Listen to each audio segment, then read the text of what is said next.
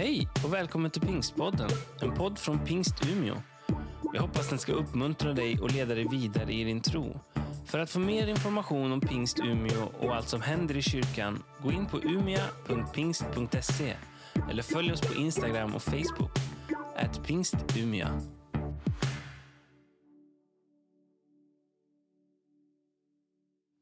Fredrik Wern heter jag, en av pastorerna här i församlingen. Jag ska läsa dagens predikotext ifrån Apostlagärningarna 28, vers 17-20. Och jag tänker så här. Vi står upp.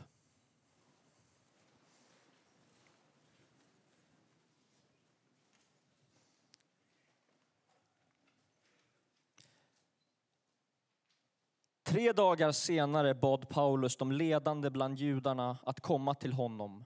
Och när de var samlade sa han till dem, mina bröder, fast jag inte har förbrutit mig mot, mot vårt folk eller våra fäderneärvda seder och bruk, blev jag i Jerusalem utlämnad till romarna och bortförd som fånge. Sedan de hade förhört mig ville de frige mig eftersom jag inte var skyldig till något som förtjänar döden. Men judarna satte sig emot det och jag blev tvungen att vädja till kejsaren, dock inte för att anklaga mitt folk. Detta är bakgrunden till att jag har kallat er hit för att få träffa er och tala till er. Ty det är Israels hopp som är anledningen till att jag bär dessa bojor. Varsågod och sitt.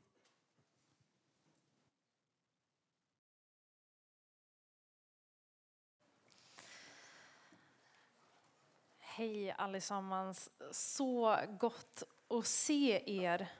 Som sagt, Hanna-Maria heter jag. Och eh, inte nog med att jag har äran att få vara den som eh, avrundar det här temat. Eh, jag tror att jag också är den första i våra team som har äran att få predika samma predikan två gånger på en och samma söndag.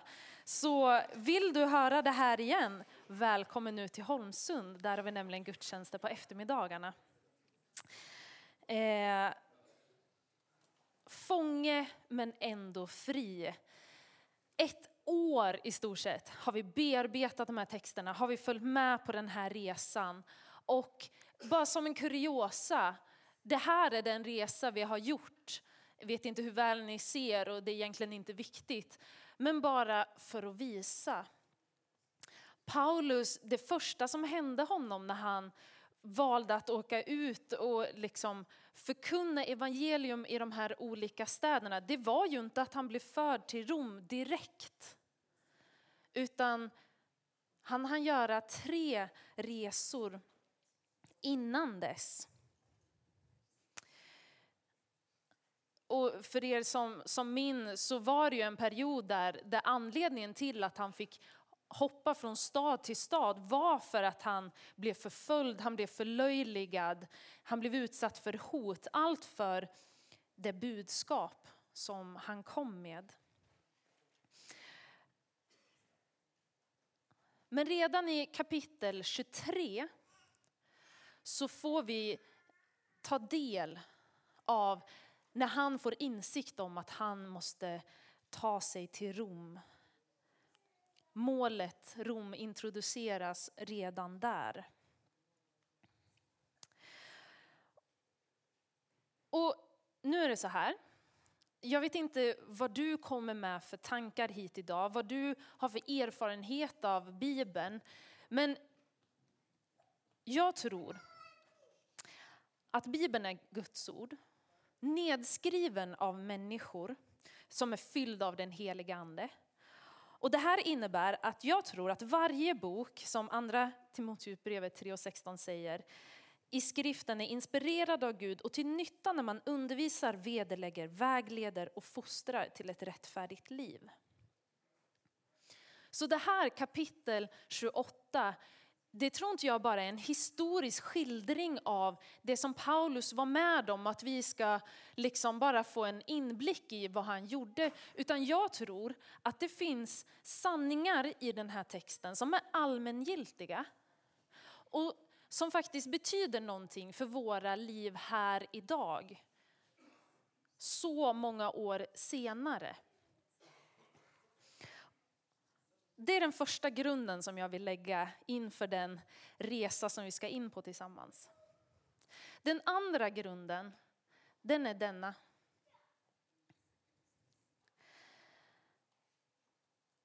Att när vi nu ska kolla på vad det är att vara fånge och ändå fri utifrån Paulus liv och Paulus vistelse i Rom framför allt, så gör vi det utifrån att det här faktiskt var Paulus egna val.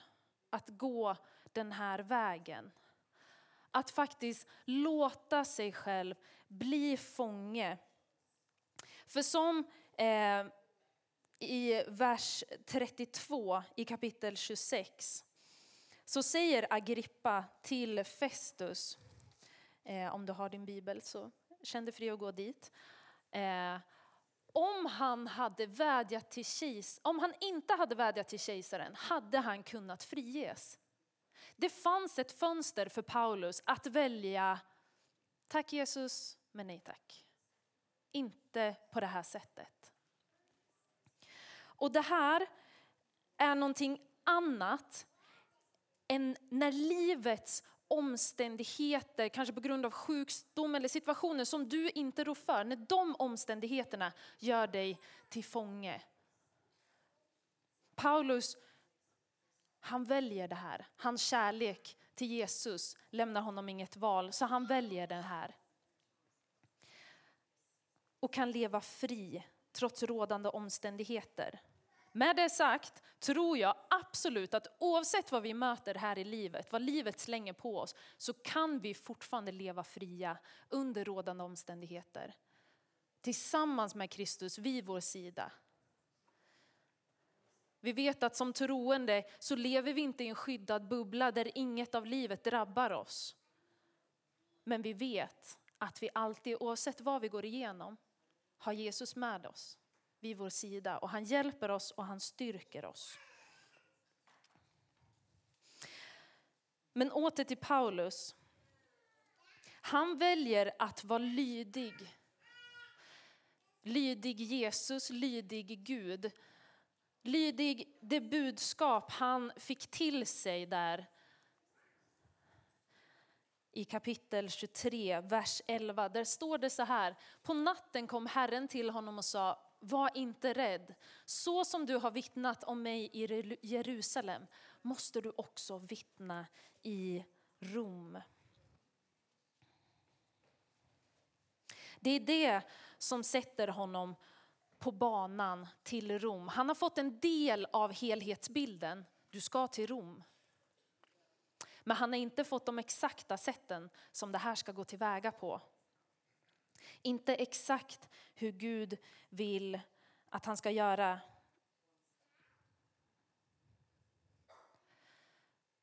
Och Paulus väljer att gå.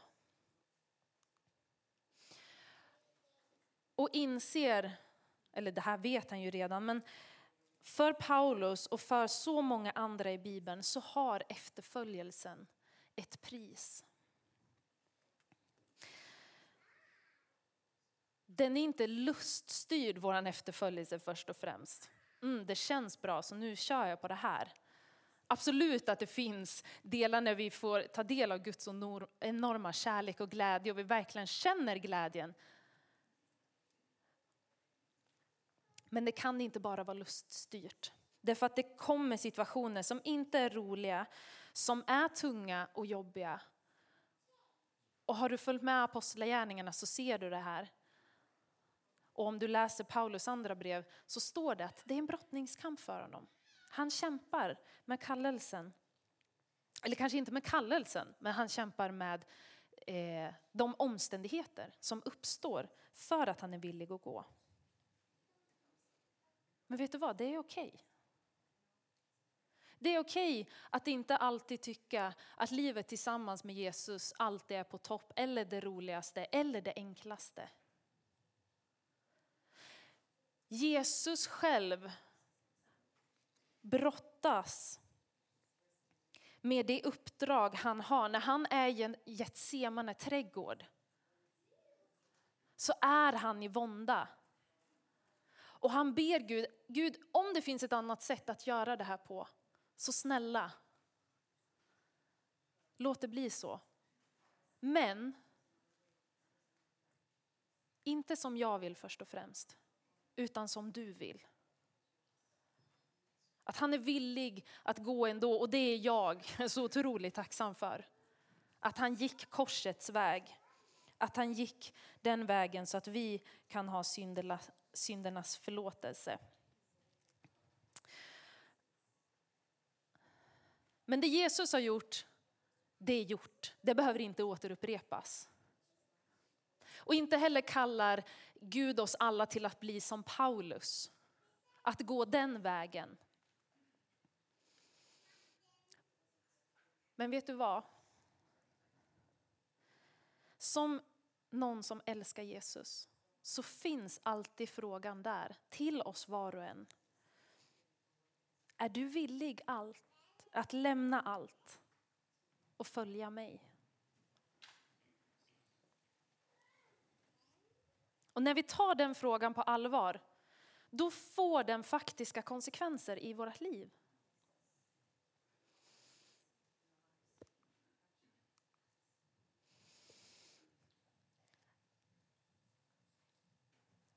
Vi är som sagt inte alla kallade till att vara Paulus och till att bokstavligen vara fånge till kroppen men fortfarande med möjligheten att leva ett fritt liv i sitt inre. Men vi är alla kallade till någonting. För någon kanske efterföljelsen av Jesus gör så att du inte med gott samvete kan ta det där jobbet som du har blivit erbjuden. Det är för att det kommer innebära saker som du inte kan stå för. Att du måste agera på ett sätt som inte rimmar med din etik eller moral.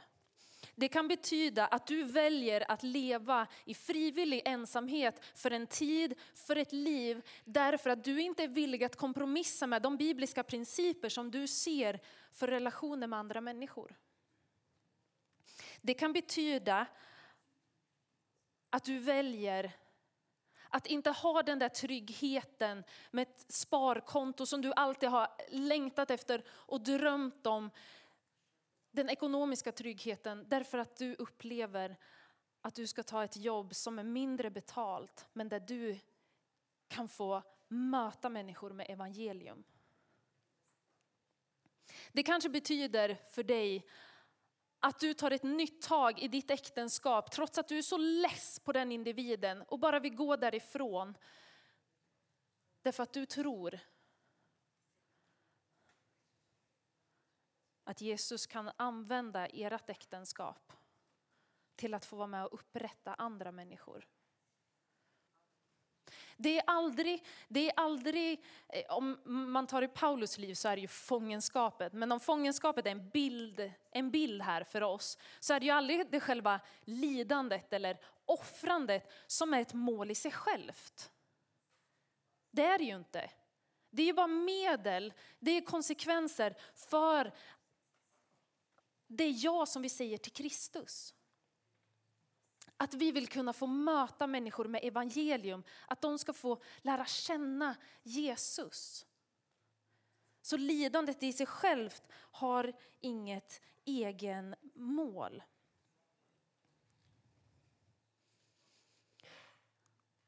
Men det jag drabbas av, eller drabbas av, men det jag tänker på när jag läser om Jesus, när jag läser om Paulus, när jag ser på mina vänners liv, där jag ser att konsekvenserna av kärleken till Jesus har gjort att de har fattat vissa val. Då ser jag just det, att de har tagit ett beslut. Det är deras eget val. Det är en kärlekshandling till Jesus. Det är för att när vi får möta Jesus, får lära känna honom, får fyllas av hans glädje och kärlek. Då handlar det om honom. Då är han vårt stora ja. Då handlar det inte om de sakerna som vi på grund av vårt ja säger nej till. Nej, det är indirekta konsekvenser. Ni vet, säger jag ja till att äta, eh, nej mat var inget bra, men det finns en massa bra bra. jag ja till en sak så betyder det att jag indirekt säger nej till andra saker. Eller hur? Men det viktiga här, det är att det är ditt eget val.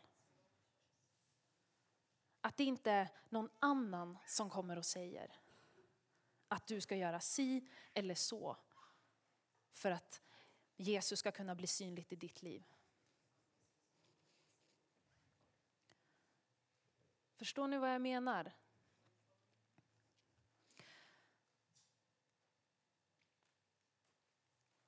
Ett exempel då. Om till exempel min kära föreståndare Ulf hade kommit och sagt till mig, Hanna Maria, ska du jobba här, då, då vill vi att du ska förbli singel och att du ska hålla dig till det här. Därför att det, det är en bra förebild. Det kommer människor se upp till. Det skulle ju aldrig funka. Jag skulle ju bli, jag skulle bli så arg. Det här har inte hänt, alltså det är det jag säger, det här har inte hänt. Men förstår ni?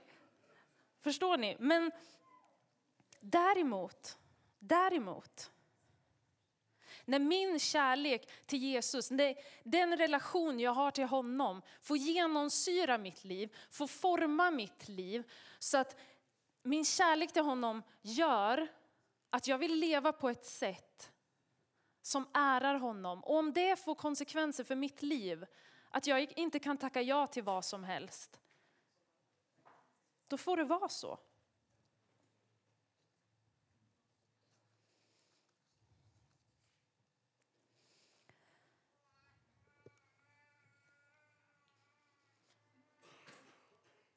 Därför att när, när vi väljer att följa Jesus, oavsett vart vägen leder oss,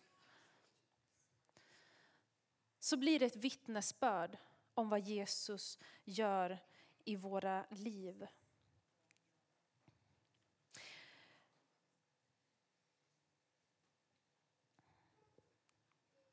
Och det kan se konstigt ut för andra människor när de först ser på det. För ni vet hur det är när vi ser våra vänner kämpa med saker, när vi ser att de, de brottas, då vill vi ju be för dem. Då vill vi finnas där för dem. Och likadant eh, så verkar det som att Paulus vänner känner samma sak för honom. Att de ber för honom och att han, att han ska bli befriad så pass att Paulus upplever att han måste förklara för dem. Precis som i den inledande texten vi läste, att han måste förklara för dem att det är för trons skull som han sitter fånge. Att det inte är att han har gjort någonting som förtjänar ett straff. Utan det är för trons skull han befinner sig där han är. Att han följer den kallelse han har fått. Och det faktum att han har låtit det här hända så har många blivit stärkta i sin tro, säger Filipperbrevet 1, 12-15. Så han ber dem inte sluta be honom, för det är tack vare deras böner som han, han kan hålla ut och som han orkar med det här. Men han förklarar för dem, får dem att förstå varför, varför det är den här vägen han ska gå. Och han delar också resultatet med dem. Och det här tror jag att det finns någonting för oss att ta till oss av.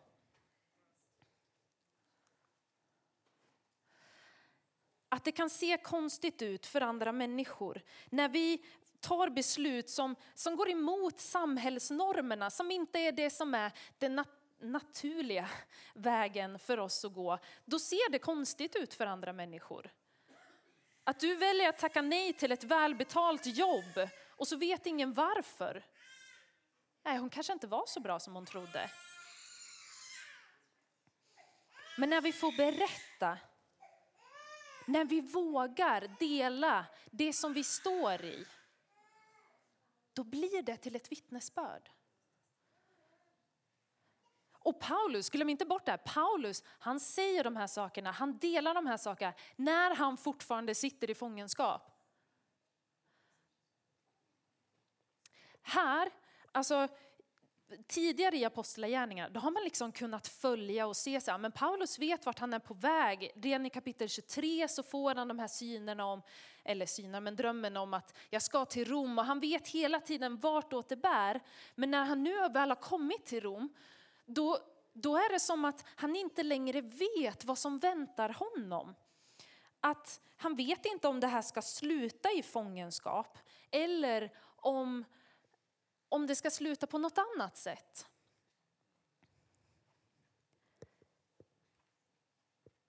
Men ändå, ändå så delar han med sig av det. Det här är den väg jag har valt. För det här syftets skull, för att evangeliet ska kunna vinna spridning.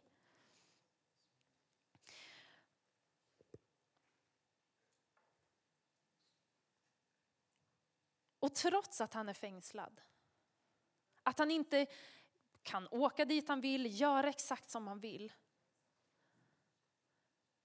Så kan han fortfarande göra det som han har blivit kallad till att göra. Det till och med underlättar på ett sätt för honom att kunna få göra det han vill göra störst, mest av allt. Att berätta om Jesus. Och under tiden som han är där så har han det ändå alltså, rätt så bra, om vi nu får säga så. Han får bo i ett hus, människor kan komma och gå fritt. Han får obehindrat eh, predika evangelium, som sagt. Men han har ju alltid en soldat med sig.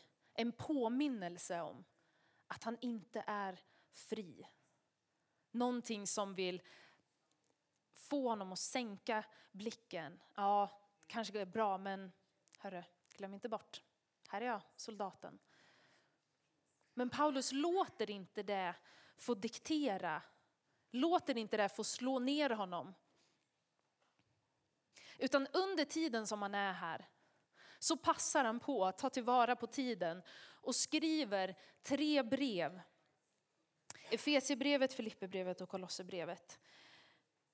Och läser man de här så får man ändå en större insikt i hur hans tid där såg ut. Eh, hur hans tillvaro var och så. Och just det här att han inte riktigt längre vet vad som väntar. Han hoppas på att han ska bli fri och att han ska kunna åka och möta dem. Men samtidigt så planerar han även för att sända andra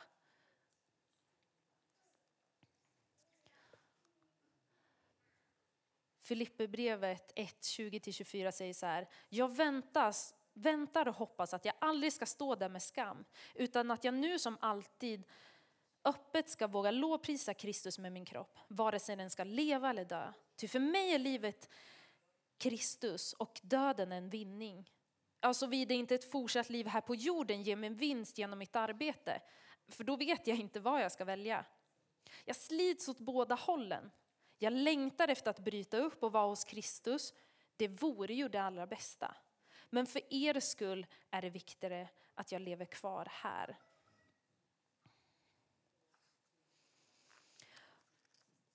Jag anser att det faktum att han inte riktigt vet vad som kommer avspeglas i de här breven. Jag får en känsla när jag läser dem att det är som en, en man som har levt ett fullt och rikt liv som ligger på sin dödsbädd. Och han har så mycket guldkorn som han vill ge till människor. Människor som fortfarande befinner sig i kampen, som han vill se till att det här får inte glömmas bort eller tystna med mig. Det är i de här texterna, i de här breven som vi finner texterna som den här. Nu blir det lite bibelläsning, men bara ta emot och lyssna. Må han ge ert inre öga ljus så att ni kan se vilket hopp han har kallat oss till. Vilket rikt och härligt arv han ger oss bland de heliga. Hur väldig hans styrka är för oss som tror. Samma oerhörda kraft som han med sin makt lät verka i Kristus när han uppväckte honom från de döda och satte honom på sin högra sida i himlen, högt över alla härskare och makter och krafter och herravälden, över alla namn som finns att nämna, såväl i denna tid som i den kommande. Allt la han under hans fötter. Och honom som är huvudet över allting gjorde han till huvudet för kyrkan, som är hans hopp, fullheten av honom som helt uppfyller allt. Alltså det, det är mäktigt. Det här är en man som lever fritt i sitt hjärta. Han må vara fången men han är inte besegrad. Han lever fritt mitt i rådande omständigheter. Vi tar en till, det här är så bra. Ty av nåd är ni frälsta genom tron, inte av er själva. Guds gåva är det. Det beror inte på gärningarna, gärningar. Ingen ska kunna berömma sig. Vi är hans verk, skapade genom Kristus till att göra de goda gärningar som Gud från början har bestämt oss till. Trots att Paulus har valt en så, ursäkta uttrycket, men fin väg en sån martyrisk väg, att han, att han liksom är fången för evangeliets skull, så säger Paulus att själva handlingen i sig själv, det är ingenting värt. Även om jag hade suttit i en soffa hela mitt liv så hade, hade jag fortfarande varit frälst av nåd. Men kärleken, kärleken gör att han väljer att gå den här vägen. Gläd er alltid i Herren. Än en gång vill jag säga, gläd er. Låt alla människor se hur fördragsamma ni är. Herren är nära. Gör er inga bekymmer, utan när ni åkallar och ber, tacka då Gud och låt honom få veta alla era önskningar. Då ska Guds frid, som är mer värd än allt vi tänker, ge era hjärtan och era tankar skydd i Kristus.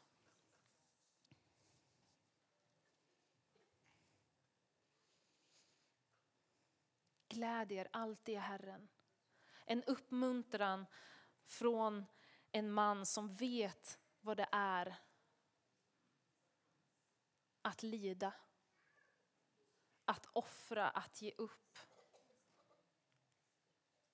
Men mitt i allt det, det går fortfarande med Jesus för ögonen att glädja sig. Och jag vet inte de val som du har gjort i livet. Men när jag satt och förberedde den här predikan så fick jag så starkt till mig nästa steg.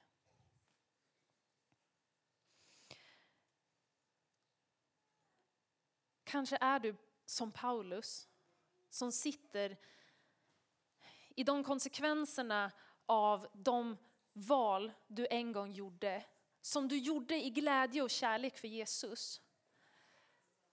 Men soldaten som ständigt har varit vid din sida har lyckats bryta ner din livsglädje. Och du orkar inte längre predika Guds ord, du orkar inte längre stå upp för det löfte du har fått. Därför att kolla på mina omständigheter. Till dig. Hämta hopp och kraft och mod hos Paulus. Inte ett så här, ja Paulus minsann, han sa de här positiva sakerna medan han fortfarande satt i fängelset. Varför kan inte du göra det? Absolut inte så. Absolut inte så. Utan att fortsätta våga hoppas även när hoppet bara är en svag, svag viskning.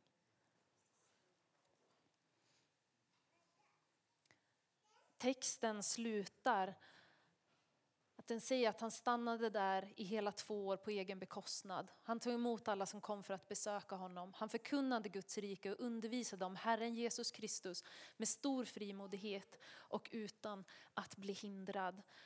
Sen tas texten slut. Men man är rätt säker på att han blev fri. Att hans tid i fångenskap varade för en tid.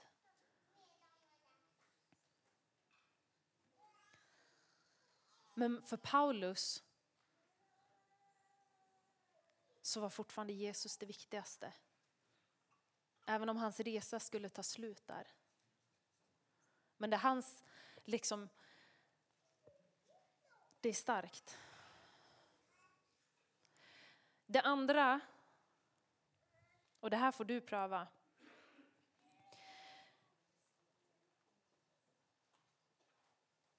Är att jag tror att Jesus frågar, är du villig att, att lyssna till mig? Är du villig att gå?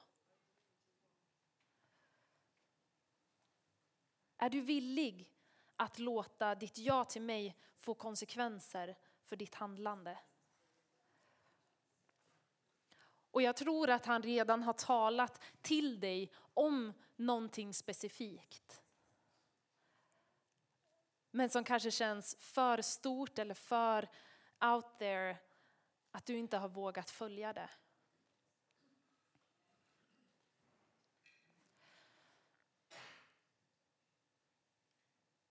Förbönsplatsen finns öppen för dig. Det finns människor där som vill be tillsammans med dig. Som vill får be om nytt hopp in i ditt liv. Som vill får be mod in i ditt liv. Och sen kanske du finns här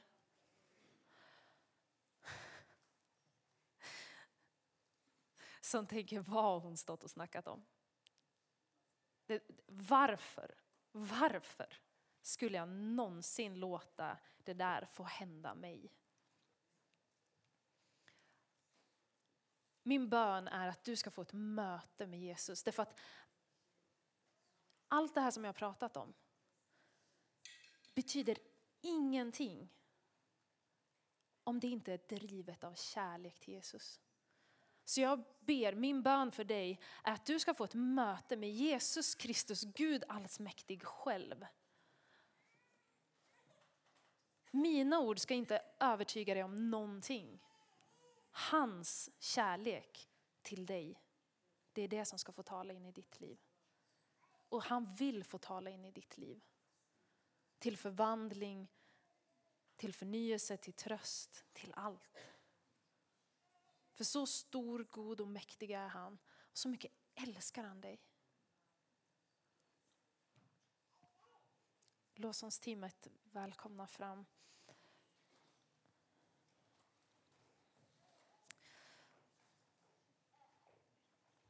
I den stund som vi nu ska gå in i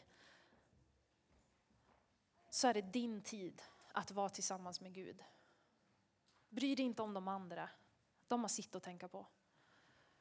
Men sök förbön om du känner att det bultar på här inne. Det är en fantastisk förmån. Vi har också ljus här som du kan tända för bönämne, för en situation, för en individ som du vill få lägga fram inför Jesus. Du kan skriva ner dina böneämnen på lappar och få lägga dem, sätta upp dem på korset. Och de kommer inte vi titta på. Ah, himmelske Fader. Herre, jag tackar dig. Tackar dig för att det är du som är Gud. Och jag tackar dig för att du är så otroligt god mot var och en av oss. Du älskar oss var och en.